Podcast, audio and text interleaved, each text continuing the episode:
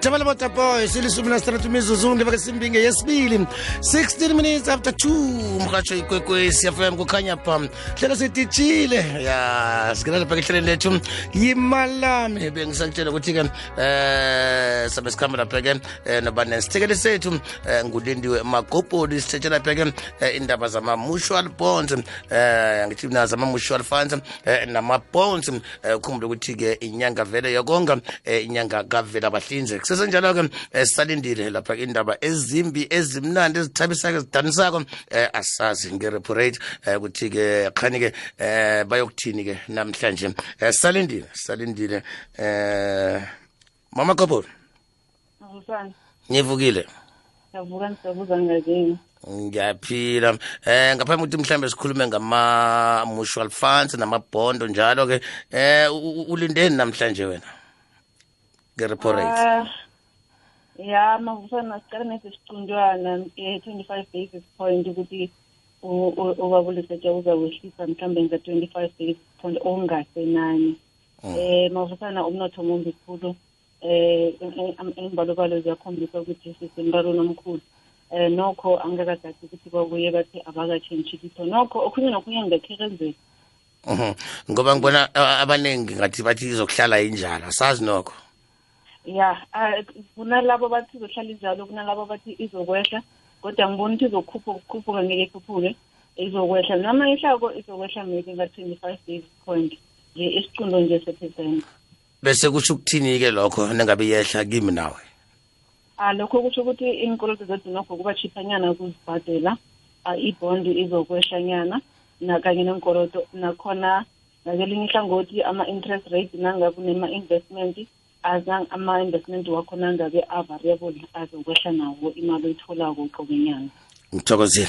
Eh, n- n- nasikhuluma ngama- ngama- ngama-mutual funds nama-bonds eh ngelimi elilula sikhuluma ngani? Um mavusa nakhe sithi nasifuna nge-mutual fund akhe mavusa nakhe silotshisa balelele emasasa sikhohliwe sesingene uyadla uyadla uyadla nokutetela salotshisa salotshisa balaleli nokho singene kuma-mutual fund mavusane sisaqale ukuthi sihalebhe umlaleli ophethe imali nofana mhlawumbe othola imali ku-retirement ukuthi ungaqala into ezinjalo ukuthi ubeke imali nofana uku-investa phecelezi eh i-mutual fund mavusana lekhe sithi yihlelo loku loku-investa eli- eli- elikufakela indwanyana ezimbalwa ngaphakathi. Khe sithi mhlawumbe siyibale njengento njengethunga ngaphakathi unama-shares unama-bond nama-property. Nangithi property ngikhuluma nge-commercial property. Lezi zamamoli khona kunama-portfolio onga-investa ukube-investa entweni ezinjalo. So i-mutual fund yihlelo elakhelwe ukuthi lihlanganisele ukuthi o-investe entweni eziningi. Eh eh nasikhuluma nge-mutual fund ke into emanagwa babantu aba-professional khe ngithi ama ama financial planners financial advisors eh kuyi-portfolio esibiza ukuthi kunomuntu osicalele yona. Siyibiza ngokuthi i-active investment portfolio kusho ukuthi kunomuntu ohlala ayicalile cube malanga ukuthi iperforma njani. Mm. ukuthi iyangenisela imali noma ayingeniseli imali. Um kwakhona nawumuntu njengami njengawe eh uyithola njani i- i-mutual fund? Ama-mutual fund akhona ukuthi umunye nomunye umbuso nala South Africa sinawo eh maningi eh and ayasebenza mavusana ayakhona ukuthi akwenzele inzuzo ebonakalayo. Eh, usajame lapho usawabala njalo ukuthi maningi eh khungibambele kancane ngithengise ngizakubuya kuwe. Okay ma aha ke kwekwezi fm nakembala suka emnyameni nofuna into ehle. 21 minutes after 2 umhatsho ikwekwezi fm kukhanya ba sisahlalweni lethu eh sidishile sithethe lapha ke ihlelo yimalami sikhamba lapha ke nolindwe magobholi sithethe nasa indaba yokonga eh khulukhulu ke kwesikhathi eside eh, okwazi ukuthi ke ube nenzunzo eh, lapha ke ekugcineni. Sithethe lapha ke indaba yama mutual funds eh, nama bonds sikwamukele kodwa mama magobholi thokoze mavusana eh sirage nayo. Eh mm, mavusana khe ngithi khe siqale ukuthi siwathandelane ama-mutual funds kokuthoma ngilokhu esengikwanile ukuthi uthola eh, ama-investment ahlukileko njengokuthi ungaba nama-shares ube nama-bond ube nama-property ngaphakathi kwe- kwe- kwe- kwehlelo linye eh nakhona i- i- iya- iba i- i- access access yakhona ilula kusho ukuthi nase ukhulume ne-financial advisor uyakhona ukuthi ungene lula nangayiphi imali. I- and umuntu loyo nguye okustructurelayo yona ohlalela ohlalela ohlalela phansi ayibone ukuthi ingakusebenzela njani. Khona uzuza njani mavusana umntwana angazibuza ukuthi no investe la utholani? Akhe ngithi mavusana nawukune-mutual fund ngaphakathi inama-shares eh angithi ama-shares anama-dividend. Nakukhitshwa ama-dividend eh uyazuza lapho ama-dividend ayafika kuwe aza via i-mutual fund le no- ne-manager yakhona. Eh nawunema-bondi eh nakhona ama-bond nawuthengisa kwi-bond portfolio iba nenzuzo inzuzo yakhona iyadlulela iyadlulela kuwe. And then umanager lo manage mutual fund uyazimanagela nama-tax uh, implications wawo ama-investment lawo. Uyakhona nokukubonisa ukuthi le ungayikhiphi nje nofana uyikhiphe njani ukuze ube nenzuzo engcono. Eh okhunye sikuthandako ngawo ama-investment ukuthi eh ay- asho ukuthi eh amanager i-risk yakho ibe ngaphasi mavusana khe ngithi unama-shares unama-bond ngaphakathi. Kibe ama-shares Mm. akaperformi kuhle ama-bond aperforma kuhle. So iyakubhalansisa uyayibona I- i- so i- iya ngiyo into abayibiza ukuthi i-asset and risk diversification.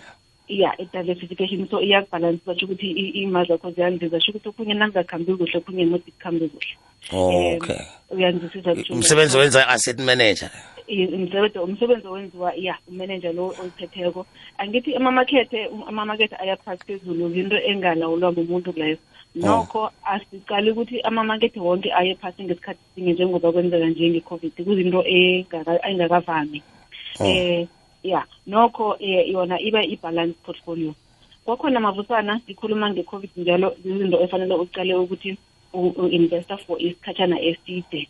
Njengoba ngizingibalile njengomhleni ngithi uqale noma nakuthoma ku-five years ungayifaki mhlawumbe for two years ngomana mhlawumbe uthole sikhula kancane isithobe so. Okhunye sithanda ukuthi i-liquidity mavusana ukuthi uyakhona ukuthi ukhiphe imali ngesikhathi sinye nesinye osifunako noma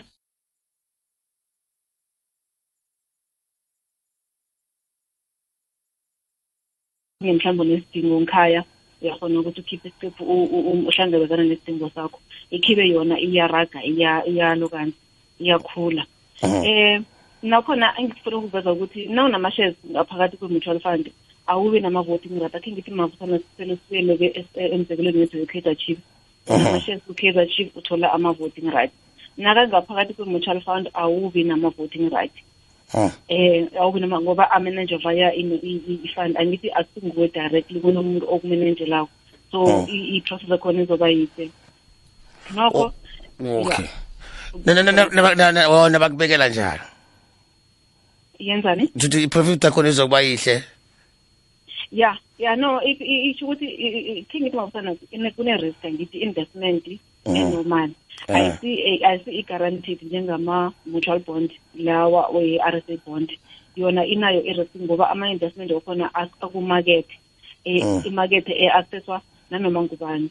Eh nakhona mabusana khe sicale ukuthi umlaleli o- nasa- nakathi bese umlaleli ukuthi ngiyayifuna ngifuna uku-invest mutual fund wenzani? Mhm. kokuthoma kokuthoma fanele uqale i-profile yakho i-financial profile yakho. Nangitsho njalo ngisho ukuthi ufunani ufuna ama-shares ufuna ama-bond ufuna ama-money market ufuna i-property uzibuze ukuthi ufuna uku-investa entweni ezinjani nakhona lokho mhlawumbe ngakhe kube yinto onga mhlawumbe ukuthi anginalwazi eli-enough ufinancial advisor uyakhona ukukutshela ukuthi lokhu yini lokhu yini kusebenza njani eh udetermine nokuthi eh ufuna isikhathi esingangani angisho lokhu kuyakuze ngeendingo zakho ukuthi uinvestelani Mhm. into ofuna ukuyi-achieva and then ufuna ukuthola malini bese uyakhona ukuthi ubeke ukuthi mhlawumbe ngingabeka for ten years noma ngingabeka for five five years noma ngingabeka for fifteen years kuya ngeendingo zakho nakho nalokho kumele kuyinto oyibhale phasi mhlawumbe ndawo thize ukuthi ngizoku-investa so for into eso Otherwise, U- u- u- uyazi ungakayi phambili njalo um usathi usiza umuntu ukuthi azi ukuthi ungena njalo